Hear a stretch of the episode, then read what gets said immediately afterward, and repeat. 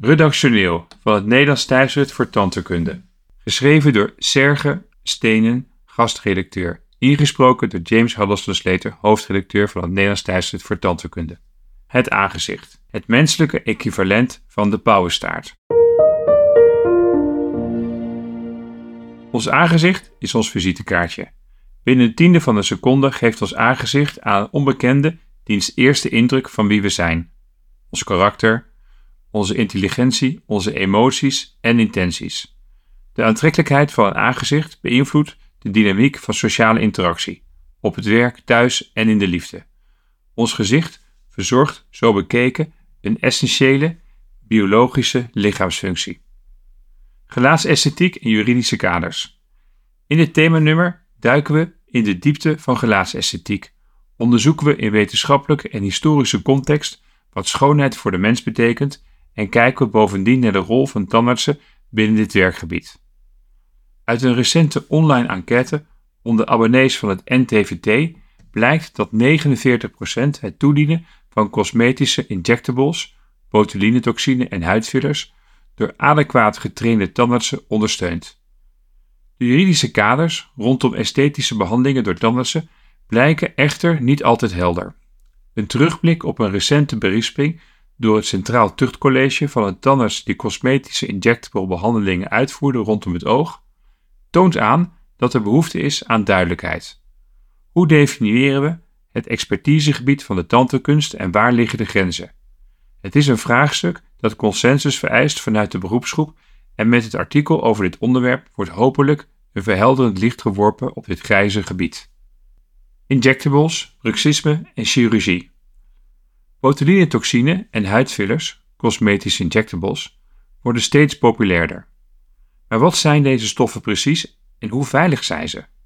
In de oorspronkelijke eed van Hippocrates werd benadrukt: U zult allereerst niet schaden. Primum non nocere. Als je echter de Nederlandse kranten leest, kan regelmatig de vraag opkomen of injectables misschien meer schade berokkenen dan positieve effecten sorteren. Wat is eigenlijk het risico's op eenzijdige blindheid of necrose van het aangezicht na fillerinjecties?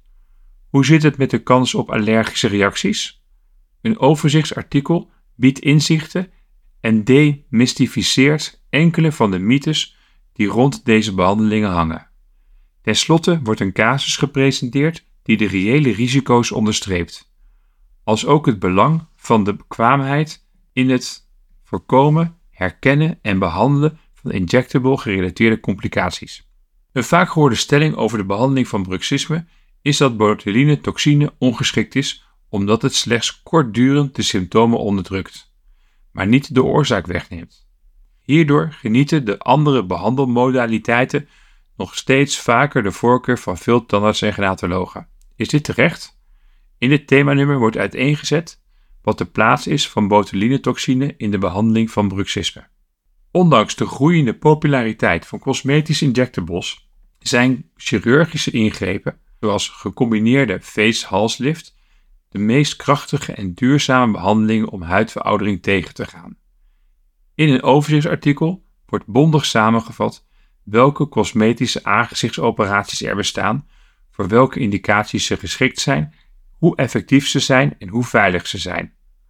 Ook wordt in dit thema toegelicht wat de synergistische rol is van aanvullende esthetische interventies zoals lipofilling, dermale fillers, gezichtsimplantaten, liposuctie, oorcorrecties, ooglidcorrecties of een liplift in de orthognatische chirurgie. Ik nodig u uit om dit themanummer te verkennen, om te leren, te reflecteren en, belangrijker nog, geïnspireerd te raken. Mogen deze editie een brug slaan tussen de verschillende disciplines en bijdragen aan een verrijkte visie op gelaatsesthetiek.